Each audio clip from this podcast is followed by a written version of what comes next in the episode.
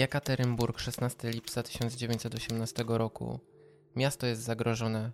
Tak przynajmniej twierdził komendant przetrzymujący rodzinę Romanowów w domu Iptajewa. O północy wszedł do pokojów sypialnych Romanowów, by poinformować ich o zagrożeniu i konieczności zejścia do piwnicy. Mikołaj II i jego rodzina rozkaz wykonała, wszak nie miała innego wyboru. Ucieczka, którą obiecali im zakonspirowani przyjaciele, nie powiodła się. Schodząc po schodach jednak nie mogli wiedzieć, że to nie pamiętniki, które pisali, a kule za chwilę zapiszą ich ostatnie chwile, jak i na czyje zlecenie zamordowano Mikołaja II i całą jego rodzinę. Czy była to ślepa nienawiść bolszewików? A może zemsta potężnych wrogów rodziny Romanowów, którzy obiecali wymordować ich całą rodzinę? Materiał powstał w oparciu o książki takich autorów jak Elizabeth Heresz, Edwarda Radzińskiego, Marka Ruszyca oraz Ludwika Hasa. Zanim ruszymy z wyjaśnieniem tej zbrodni i przyjrzeniu się późniejszemu śledztwu, musimy cofnąć się do czasów, kiedy Mikołaja nie było na świecie, a mocarstwa XIX wieku ustalały porządek po kampanii francuskiej w Wiedniu. Na kongresie wiedeńskim planowano, jak usytuować granicę po przegranej Francji. Jednakże politycy nie odgrywali tam tak ważnej roli jak finansiści, a dokładnie ludzie najbogatszej familii bankowej, familii Rothschildów. Rothschildowie od dawna w kieszeni mieli zachodnie księstwa i królestwa, pożyczali im ogromne sumy na bardzo niskich oprocentowaniach, w zamian za przywileje ekonomiczne manipulowali i wykorzystywali słabości księstw i królestw. Kiedy Napoleon Bonaparte toczył bój z Wellingtonem w słynnej bitwie pod Waterloo, Rothschild uknął spisek, dzięki któremu stał się władcą finansów Wielkiej Brytanii. Jego siatka kurierska miała najświeższe informacje o wszystkich ważnych wydarzeniach, w tym i tych spod Waterloo.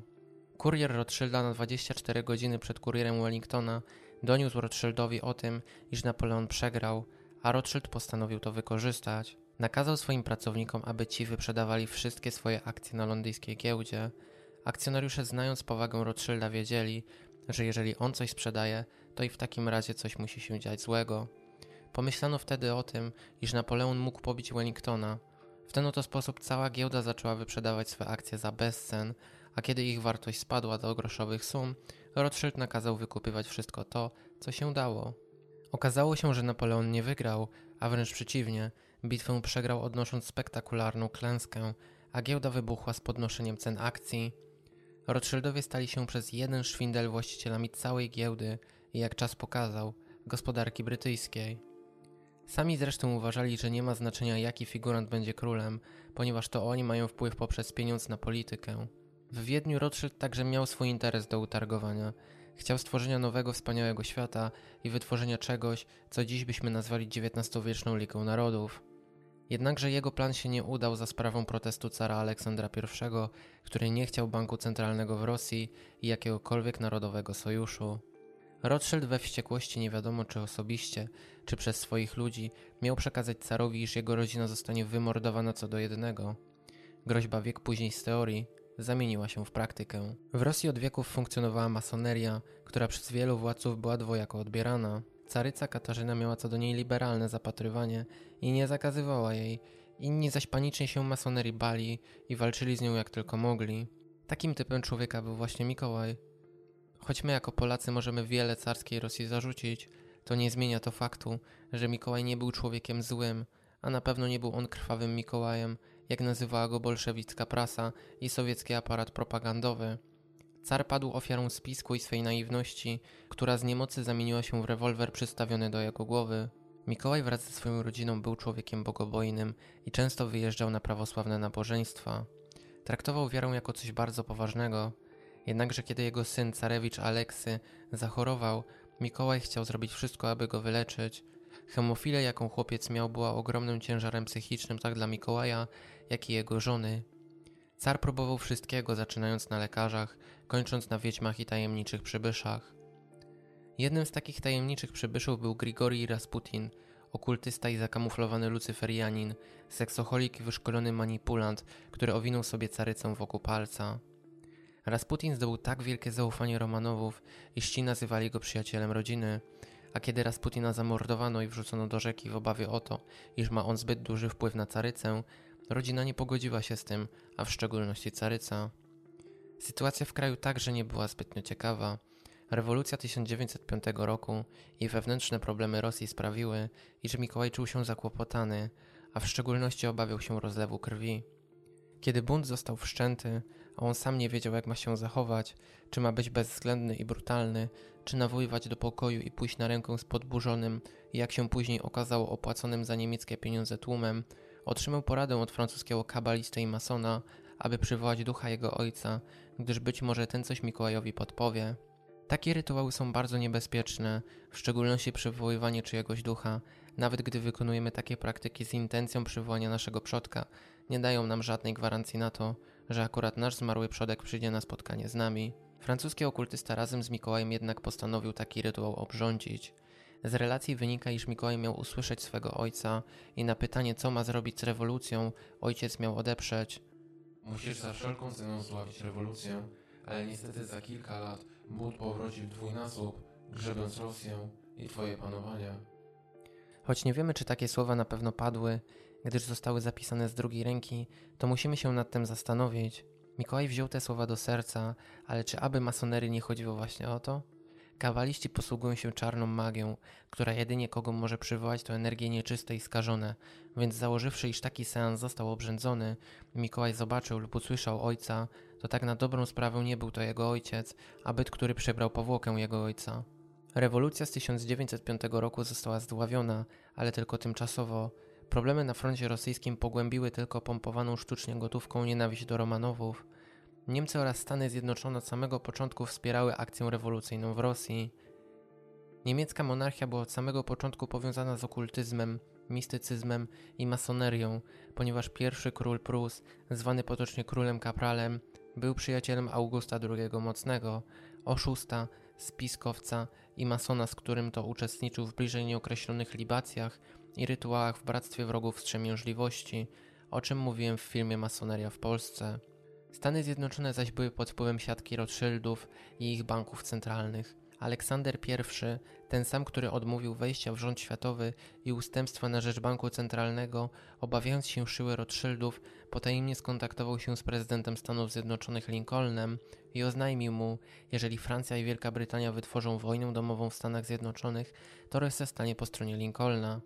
Car nie żartował i miał wysłać nawet swe statki, aby okazać Lincolnowi to, iż nie blefuje. Rewolucyjne siatki konspiracyjne były od samego początku sterowane. Piłsudski, Lenin, Trocki to były tylko narzędzia w rękach światowej masonerii Rothschildów. Niezbędni im byli do obalenia Rosji i wprowadzenia w niej rządu Rothschildów. Elizabeth Heresz w książce o Mikołaju II pisze o tym w następujących słowach. Jako najbardziej odpowiedzialnego człowieka do kierowania ruchem rewolucyjnym Parwus wymienia Lenina, który w owym czasie w Curychu przygotowywuje się na razie od strony czysto teoretycznej do swej roli rewolucyjnego przywódcy. Wystarczająco zachęcający jest już sam program, opracowany przez Parwusa wspólnie z niemieckim Ministerstwem Spraw Zagranicznych, uwzględniający doświadczenia nieudanej rewolucji 1905 roku, a gotowość rządu niemieckiego do jego realizacji znacznie wzrasta po zapoznaniu się z założeniami Lenina na wypadek przejęcia przez niego władzy. Zaakceptowany zostaje kapitał wyjściowy w wartości 2 milionów marek w złocie. Nikt, nawet ciągnący z tego największe zyski, kupiec rewolucji, jak miano później nazwać Parwusa, nie przeczuwa, że będzie trzeba użyć wielokrotności tej sumy, a ponadto poświęcić więcej czasu i cierpliwości, by w dwa lata później osiągnąć zamierzony cel. Kapitał niemiecki szedł na wsparcie rewolucjonistów do tego stopnia, iż późniejszym protestującym płacono większe kwoty za protest niż rosyjska fabryka mogła zapłacić za dzień pracy. Masoneria szkocka planowała się Mikołaja pozbyć i na jego miejsce posadzić na tronie jego brata, Michaiła, lecz przewrót pałacowy się nie udaje i brat Michał tronu nie przyjął.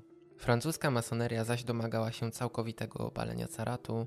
Dodać w tym należy, że były to grupy spiskujące od dawna w kręgach politycznych i skrzętnie zakamuflowane, gdyż w Rosji masoneria była zdelegalizowana, a złapanie jednego z członków masonerii przez carską ochranę gwarantowało więzienie.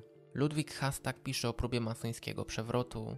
Rezygnując z polityki pojednania społeczeństwa z caratem, nastawia się rosyjskie wolnomularstwa bądź jego kierowniczy zespół na przewrót pałacowy.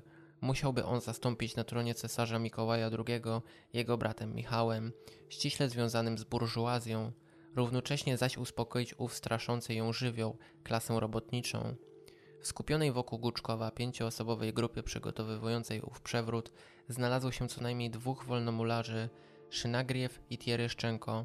To też kiedy przywódcy bloku postępowego zaledwie wiedzieli o istnieniu tego rodzaju planów, kierownictwo wolnomularskie było w pełni zorientowane o przebiegu przygotowań, nie wnikało tylko w szczegóły techniczne.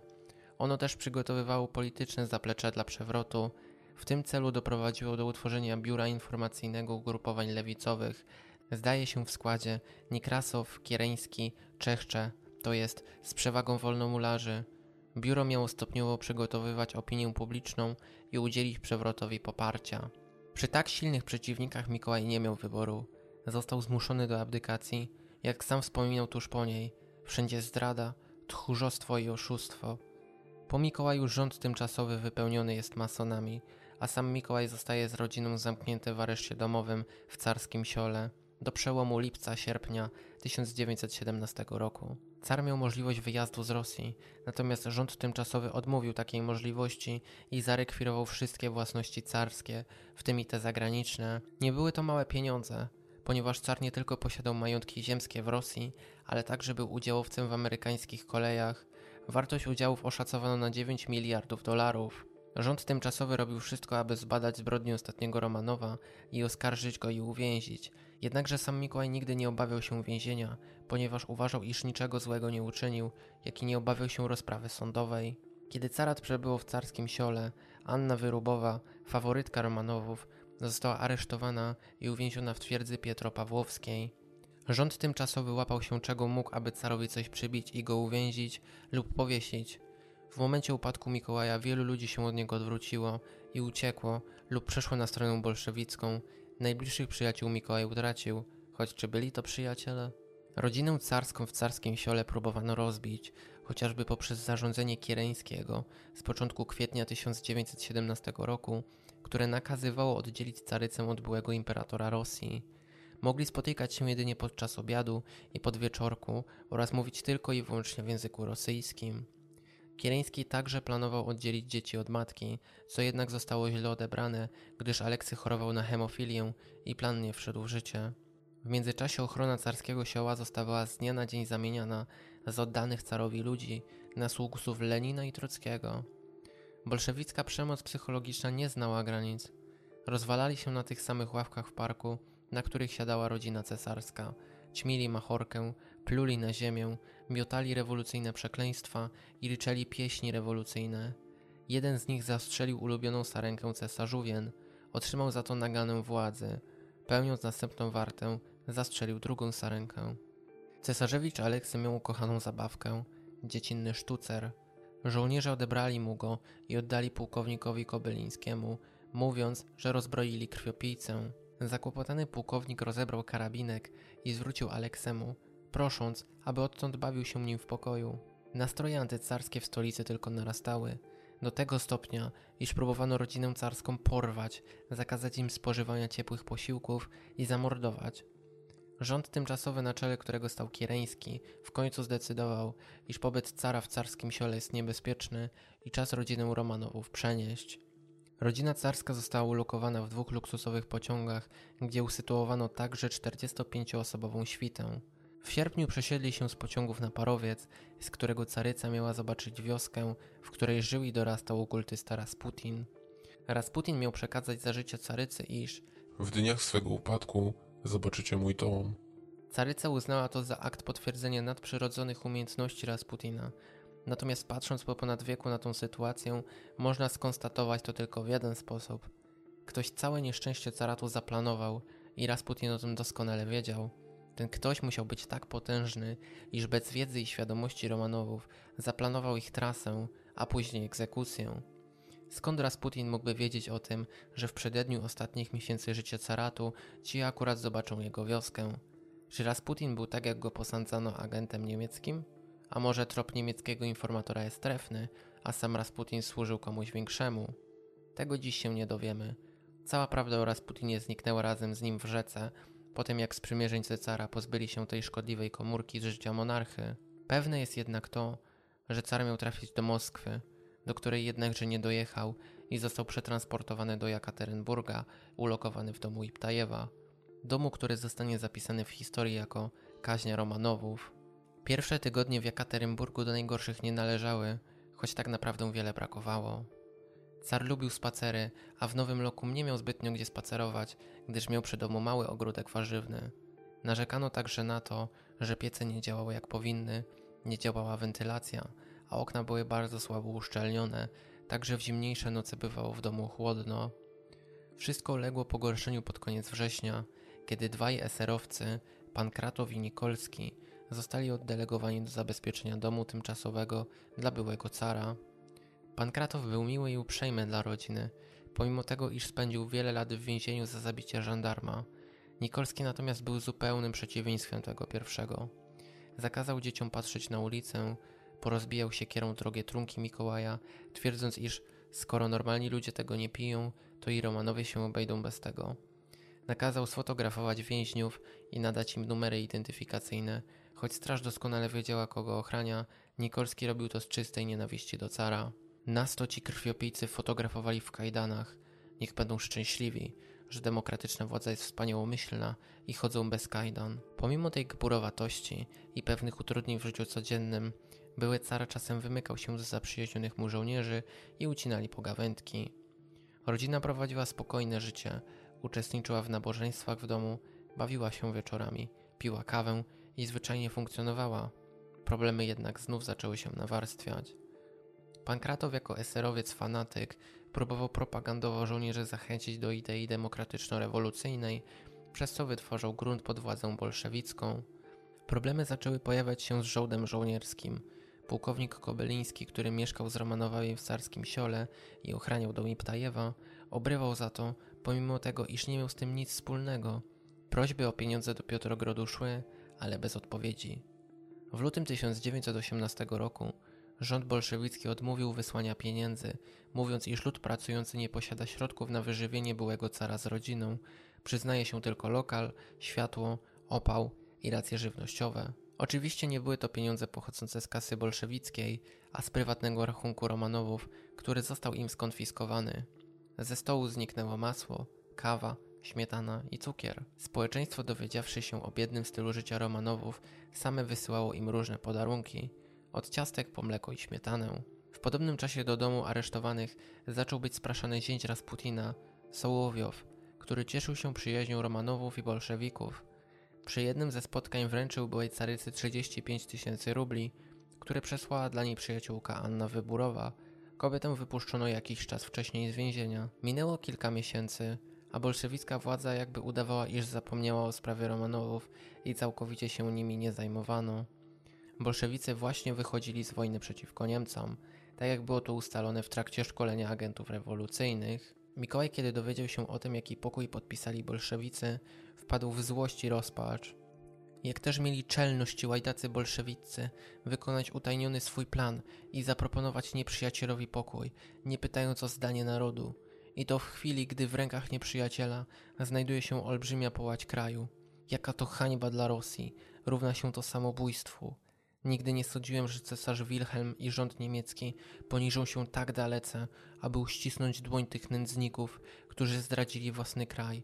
Nie wyjdzie im to na dobre, ani nie uchroni ich od klęski. Jedyne co mógł Mikołaj w tej sytuacji zrobić, to zostawić swój komentarz i oburzenie, jednakże już nie posiadał władzy. Sytuacja była beznadziejna, lecz pojawił się promyk nadziei. Tą nadzieją mieli być monarchiści, którzy planowali Mikołaja z rodziną uratować. Nadchodzi czerwiec 1918 roku. Bolszewicy niepewni swych dni odraczają wyrok śmierci na Mikołaju, gdyż jego życie może być kartą przetargową w rokowaniach. Pewnego poranka w jednym z korków od mleka Mikołaj znalazł tajemniczą wiadomość, którą postanowił schować i przeczytać. Po przeczytaniu listu Mikołaj zaczyna jak dawniej chodzić po pokoju i dumać. Po chwili pokazuje list swojej żonie. List jest pełen błędów gramatycznych i napisany został w języku francuskim. Podającym się nieznajomi mówią, iż są oddanymi oficerami i chcą rodzinę Romanowów uratować. Aleksandra cieszy się. Migrena, która ją męczyła, nagle odeszła. Znalazła się nadzieja. Jednakże pojawia się pewien zasadniczy problem, a mianowicie dwa: okno i strażnicy. Rodzina nie mogła nawet otworzyć okien, nie z powodu tego, iż były uszkodzone lub przegnite, Komisja im tego zakazywała i to od komisji zależało, które okno może zostać otwarte. Kiedyś Mikołaj wojował z arystokratami, cesarzami i królami. Dziś musi wojować z komendantem o otwarcie okna. Żołnierze, którzy na samym początku tobolskiego zesłania chronili Romanowów, odeszli ze służby. Na ich miejsce przyszli młodzi, jak się później okazało, czerwoni żołnierze. Wychodzi na to, że ucieczka jest niemożliwa, jednakże Mikołaj i cała jego rodzina pragnie tej ucieczki, więc utrzymują kontakt z podającymi się za oficerów nieznajomymi. Przychodzi kolejny list, w którym podane są instrukcje. Należy koniecznie odbić jedno z okien, żeby można było je otworzyć. Proszę o dokładne wskazanie okna. Jeśli mały carewicz nie będzie mógł iść, sprawa bardzo się skomplikuje. Czy nie można na godzinę albo dwie uśpić carewicza jakimś narkotykiem? Niech o tym zadecyduje lekarz. Proszę bądźcie spokojni. Nie podejmiemy żadnych działań, jeśli nie będziemy pewni powodzenia. Jak jednak odbić okno, kiedy wszędzie jest straż? 10 czerwca jakoś się to udaje i uchylone zostaje jedno okno. Mikołaj wysyła informację do nieznajomych. Drugie okno na rogu wychodzącego na plac jest otwarte już od dwóch dni, nawet nocą. Okna 7 i 8 przy głównym wejściu też są zawsze otwarte. Pokój zajmuje komendant i jego ludzie, którzy składają się obecnie na straż wewnętrzną. Jest ich 13, uzbrojonych w karabiny, rewolwery i bomby. Komendant i jego zastępca wchodzą do nas, kiedy chcą. Dyżurny obchodzi dom w nocy dwa razy na godzinę. Na balkonie stoi jeden karabin maszynowy, a pod balkonem drugi na wypadek alarmu. Naprzeciwko naszych okien, po drugiej stronie ulicy, w małym domku kwaterują strażnicy. Jest ich pięćdziesięciu. Od każdego posterunku prowadzą przewody dzwonków alarmowych do komendanta, do pomieszczenia straży i innych punktów. Zawiadomcie nas proszę, czy będziemy mogli zabrać ze sobą naszych ludzi. Nic się jednak w tej sprawie nie zadziało. Mikołaj tak zapisał tę chwilę w swym notatniku. 14 czerwca. Nasza droga Maria skończyła 19 lat. Pogoda nadal była tropikalna. Jest 26 stopni w cieniu, a 24 w pokojach. Trudno to wprost wytrzymać. Spędziliśmy niespokojną noc. Nie spaliśmy i nie rozbieraliśmy się. Sprawiły to dwa listy, które w tych dniach otrzymywaliśmy jeden po drugim i w których powiadomiono nas, żebyśmy przygotowali się na porwanie przez jakich nam oddanych ludzi. Dni jednak mijały, nic się nie działo, a oczekiwanie i niepewność były bardzo męczące.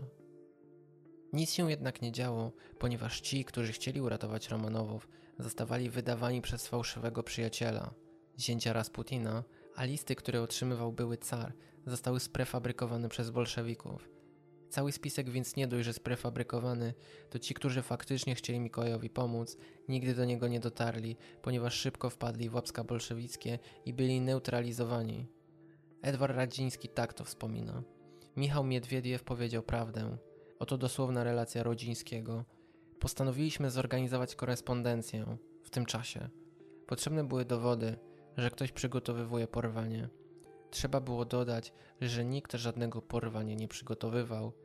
Zeszliśmy się Białobrodow, Wojkow i ja. Wtedy właśnie ułożyliśmy ten tekst.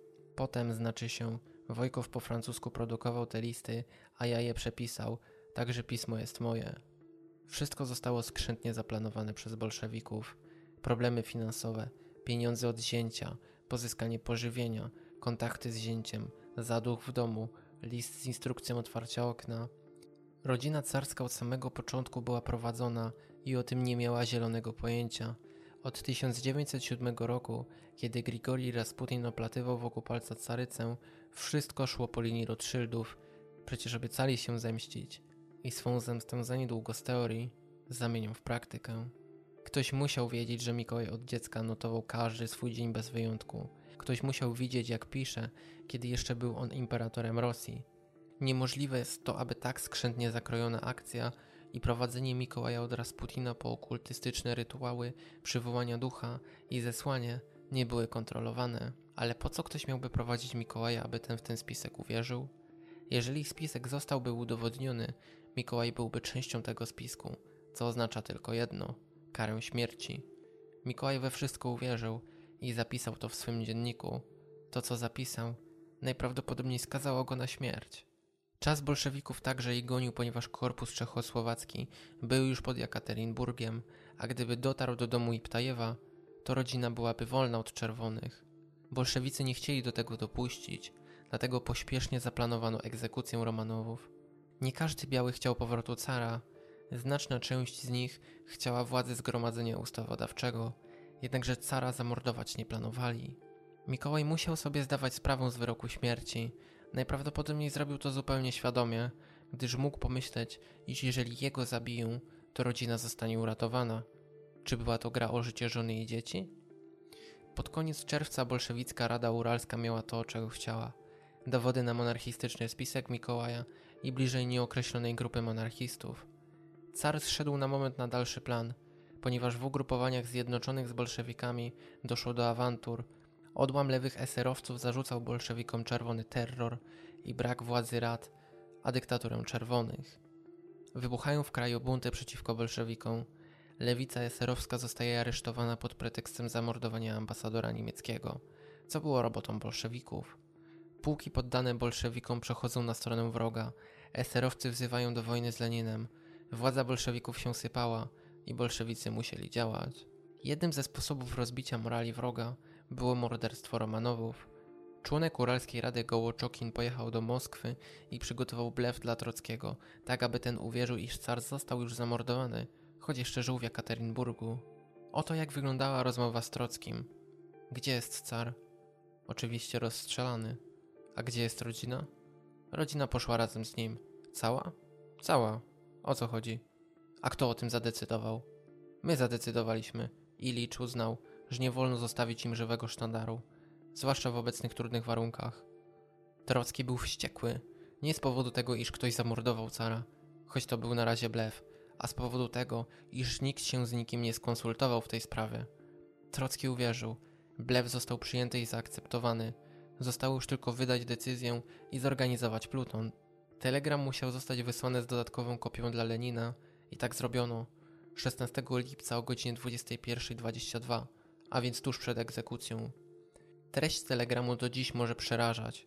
Moskwa, Kreml, do Swierdłowa, kopia dla Lenina, z Jekaterynburga linią bezpośrednio nadaną. Przekażcie Moskwie, że na proces ustalony z Filipowem ze względów wojskowych nie możemy czekać. Jeżeli jesteście innego zdania, dajcie znać natychmiast poza kolejnością. Gołoszczokin, Safarow, sami skontaktujcie się w tej sprawie z Jekaterynburgiem. Lenin został poinformowany. Uralczycy przechodzą do planu zabójstwa. Plan zabójstwa trwał aż dwa tygodnie. Najpierw zmieniono komendanta ochrony domu na czekistę Jakowa Jurowskiego. Nie był on oczywiście Rosjaninem. Jego rodzina miała korzenie żydowskie, a dziadek Jakowa był rabinem w Połtawie. Prócz samego komendanta wymieniono całkowicie straż, prócz robotników z zakładów złokazowskich. Został także kierowca samochodu Sergiusz Luchanow. Strażnicy zostali wymienieni na młodszych Łotyszy z Czeki. Mikołaj już wiedział, że żywy z tego nie wyjdzie, choć łudził się, że jego poświęcenie uratuje rodzinę przed śmiercią. Jurowski rozpoczynając swą działalność komendanta, zaczął zgrywać dobrego glinę. Miał łapać złodziei i oddawać Mikołajowi ukradzione przedmioty, a także zrobiono inwentaryzację dorobku rodzinnego. Wszystko zostało spisane i zabezpieczone. 28 czerwca robotnicy zamontowali kraty w oknach, o czym Jurowski nie uprzedził rodziny. 11 lipca zamontowano na jednym otwartym w domu oknie stalową kratę. 12 lipca zbiera się Rada Uralska i zdecydowała o kaźni rodziny Romanowów. Na posiedzeniu Rady był także Gołoszczokin, ale o decyzji, która zapadła w Moskwie, nie powiedział ani słowa. Wykonanie zabójstwa zlecono Jurowskiemu, a miejsce, w którym mieszkali Romanowowie, nazwano domem do celów specjalnych. 14 lipca Mikołaj zaprzestaje zapisywać swych wspomnień w pamiętniku. Prowadzi je tylko była cesarzowa. Wspomina w nich o pięknym letnim poranku i o nabożeństwu. To nabożeństwo było ostatnim w ich życiu, choć jeszcze o tym nie wiedzieli. W ostatnich dniach przed rzezią Jurowski często wyjeżdżał z Jekaterynburga, szukając odpowiedniego miejsca do pozbycia się ciał. Miejsce zostało przez niego znalezione. Stary szybko wsi Koptiaki. Tam nikt niczego by nie szukał, a więc byłoby to idealne miejsce do zatuszowania zbrodni. 15 lipca wymyto w całym domu podłogi. Dzień przed egzekucją wszystko już było gotowe. Ostatniego dnia Romanowowie wstali o 9 rano. Godzinę później pili herbatę. Do domu przyniesiono jajka i mleko. Tego dnia, jak zwykle, pozwolono im na godzinny spacer, który odbył się rano i przed obiadem po około pół godziny. Jurowski otrzymał szyfrem rozkaz o kaźni Romanowów o szóstej wieczorem. Około godzinę później niejaki Miedwiediew otrzymał rozkaz wyciągnięcia 12 rewolwerów z wartowni. Jurowski oznajmił mu, iż nadszedł już czas, aby zabić. Egzekucję zaplanowano na noc z 16 na 17 lipca 1918 roku. Pod dom, w którym mieszkali Romanowowie, przyjechało duże auto. Około północy do pokoi Romanowów wszedł Jurowski, obudził śpiącą rodzinę i kazał im iść za sobą. Przekazał rodzinie, że w mieście jest niebezpiecznie i muszą być ewakuowani. Na tą chwilę jednak muszą zejść do suteryny.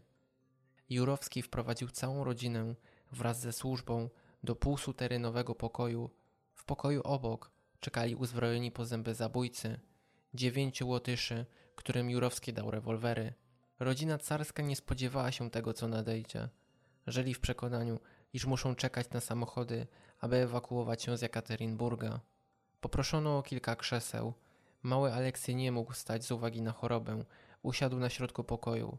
Mikołaj usiadł obok dziecka po lewej stronie, a Anna Fiodorowna przy ścianie niedaleko drzwi. Za matką stała księżna Tatiana, a reszta osób rozlała się po pokoju. Przez jakąś chwilę nikogo nie było. Nagle otworzyły się drzwi i wparowali do pokoju uzbrojeni łotysze. Otoczyli półkolem ofiary. Teraz Romanowie musieli wiedzieć, co następuje. Cesarzowa przeżegnała się. Nikt nie wypowiedział w tej chwili ani jednego słowa. W pomieszczeniu panowała cisza grozy. Tutaj są trzy wersje wydarzeń oraz dwóch zabójców. Przytoczymy więc wersję podaną przez Marka Ruszyca. Pierwszy odezwać miał się Jurowski. Wasi chcieli was ocalić. Nie udało im się. Musicie zginąć. Co? Odparł Mikołaj. Od co? krzyknął Jurowski i przykładając rewolwer do głowy Mikołaja pociągnął za spust. Były imperator Wszechrusi, tytularny król Polski i Finlandii, Mikołaj II, upadł raniony śmiertelnie. Zaczęła się rzeź. Aleksy rzęził i miotał się po podłodze. Miedwiediew mógł złamać dane słowo Jurowskiemu i strzelić do cesarzewicza. Jurowski dobił go kilkoma kulami. Księżne nie zostały zabite przez kule, ponieważ pod ubraniami miały drogocenne klejnoty, które skutecznie miały odbijać pociski. Według autora Anastazję miano dobić bagnetami. Demidowe, służącą carów rozstrzelano. Biegając z krzykiem po pokoju musiała wiele trudu przysporzyć zbrodniarzom, gdyż po wielu kulach dopiero ucichła. Elizabeth Heresz podaje inną wersję. Jurowski miał powiedzieć, iż mamy rozkaz was rozstrzelać i nie czekając na reakcję miał pociągnąć za spust. Car w ostatniej chwili miał wstać z krzesła, lewą ręką zasłonić carycę, w prawej trzymając Aleksego. Jurowski wtedy wymierzył do cara, a potem do Aleksego. Car upadł martwy na ziemię, a potem zaczęli strzelać wszyscy. Najpierw do Carysy i doktora Botkina. Córki, widząc śmierć rodziców, miały zacząć krzyczeć i zanim padły od kul, miały wykonać znak krzyża. Z służby carskiej najdłużej przy życiu miała zostać pokojówka, gdyż trzymała przy sobie poduszkę, którą wzięła dla carycy. Kule odbijały się od niej, a ona w przerażeniu miała biegać po pokoju. Następnie, kiedy zbrodniarze do niej dobiegli, dobili ją bagnetami. Anastazja nie padła od razu od kul, dobito ją bagnetami jak pokojówkę. Aleksy miał stracić przytomność i jako ostatni umrzeć.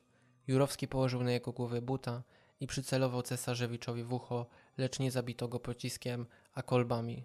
Edward Radziński początkowe wydarzenie opisuje podobnie do Marka Ruszyca.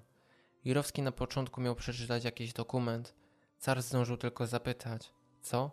Na co Jurowski odpowiedział, od co? I zaczęła się rzeź. Zeznania sprawców i osób, które widziały zbrodnie nie są spójne. Miedwiediew zeznając wykluczył siebie całkowicie ze zbrodni i za całe działanie oskarżył Jurowskiego, lecz kłamał.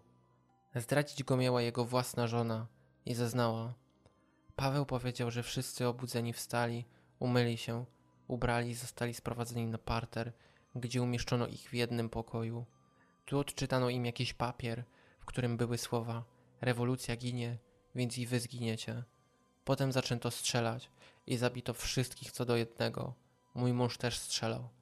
Zdemaskować go także miał człowiek o nazwisku Proskur Jakow, który przyznał, że sam Miedwiediew przyznał się, iż oddał do cara dwa lub trzy strzały.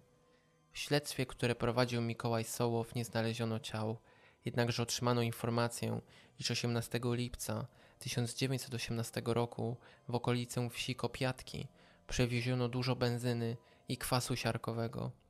Zwłoki pomordowanych Romanowów miały zostać porąbane na kawałki, oblane benzyną i kwasem siarkowym oraz spalone w ogniskach nieopodal szybów.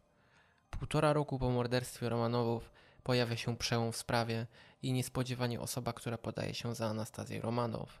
W Berlinie nikomu nieznana dziewczyna próbuje popełnić samobójstwo, jednakże jej się to nie udaje i zostaje odratowana. W szpitalu zobaczyła przypadkiem fotografię rodziny Romanowów i od tego czasu nie mogła się z nią rozstać. Powstała więc plotka w Niemczech, iż kaźnie przeżyła Tatiana, bo tak się ta dziewczyna przedstawiała. Później dopiero zmieniła swe zdanie i zaczęła mówić o sobie, iż jest Anastazją, najmłodszą z córek Mikołaja. Czy było to mitomaństwo? Ciężko jednoznacznie potwierdzić. W teorii szok, jakiego mogła doznać, mógł wywrzeć na jej psychice tak wielkie szkody, iż zatraciła swą osobowość i tożsamość. Opowiadała, jak miała się uratować. Twierdziła, że rozległ się strzał, upadła, na nią upadła siostra i własnym ciałem uratowała ją od kuloprawców.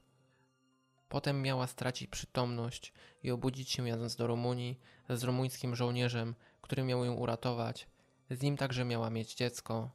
Dziewczyna nie potrafiła mówić po rosyjsku, ale to także w teorii mogło mieć znaczenie w kontekście traumy z 16 lipca 1918 roku, w której przecież zginęli wszyscy, jak i jej tożsamość. Autor bestsellera z lat 90. podaje w książce, iż język rosyjski, którego władanie zostało przez tą dziewczynę zatracone, mógł być efektem traumy i powrotem psychicznym do tych makabrycznych wydarzeń. Czy jednak była to Anastazja Romanow? Nie była to jednak Anastazja Romanow. Jak czytamy w artykule na portalu Wielka Historia, była to Polka udająca przez 60 lat Anastazję. Jednakże, czy dziewczyna nie miała szans na przeżycie? Gdyby przeżyła jakimś cudem, to nigdy by nie wychyliła się z taką informacją, a to z prostego powodu. Masoneria nienawidzi ludzi, którzy mogą zmienić bieg wydarzeń, jak i tych, którzy mają we krwi wielkie nieskażone masoństwem rody. Gdyby Anastazja się wychyliła i przedstawiła po latach światu, słuch by o niej zaginął, a ona znalazłaby się w miejscu, gdzie diabeł mówi dobranoc. Jedno jest jednak pewne. Nigdy światła dziennego nie ujrzą dokumentacji odnośnie masońskiego spisku i roli Rothschildów w masakrze rodziny Romanowów. Nigdy nie dowiemy się, czy i jak udało się komukolwiek z tej kaźni wydostać. Nie dowiemy się także, kto wprowadził w krąg Romanowów Rasputina i dla kogo ostatecznie Rasputin pracował. Jeżeli nie była to masoneria, to musiał być to od niej byt wyższy, silniejszy i posiadających swych agentów wszędzie, nawet tam, gdzie Romanowie by się nie spodziewali. Kiedy 16 lipca padł były imperator Rosji, upadła Rosja na kolana. Do dziś się nie wydostała z okowów amerykańsko-niemieckiego spisku, a jej włodarze to marionetki, tych, których zwalczył Aleksander I na kongresie wiedeńskim. Tym momencie film miał się zakończyć, natomiast życie dopisało do tej historii jeszcze jeden wątek.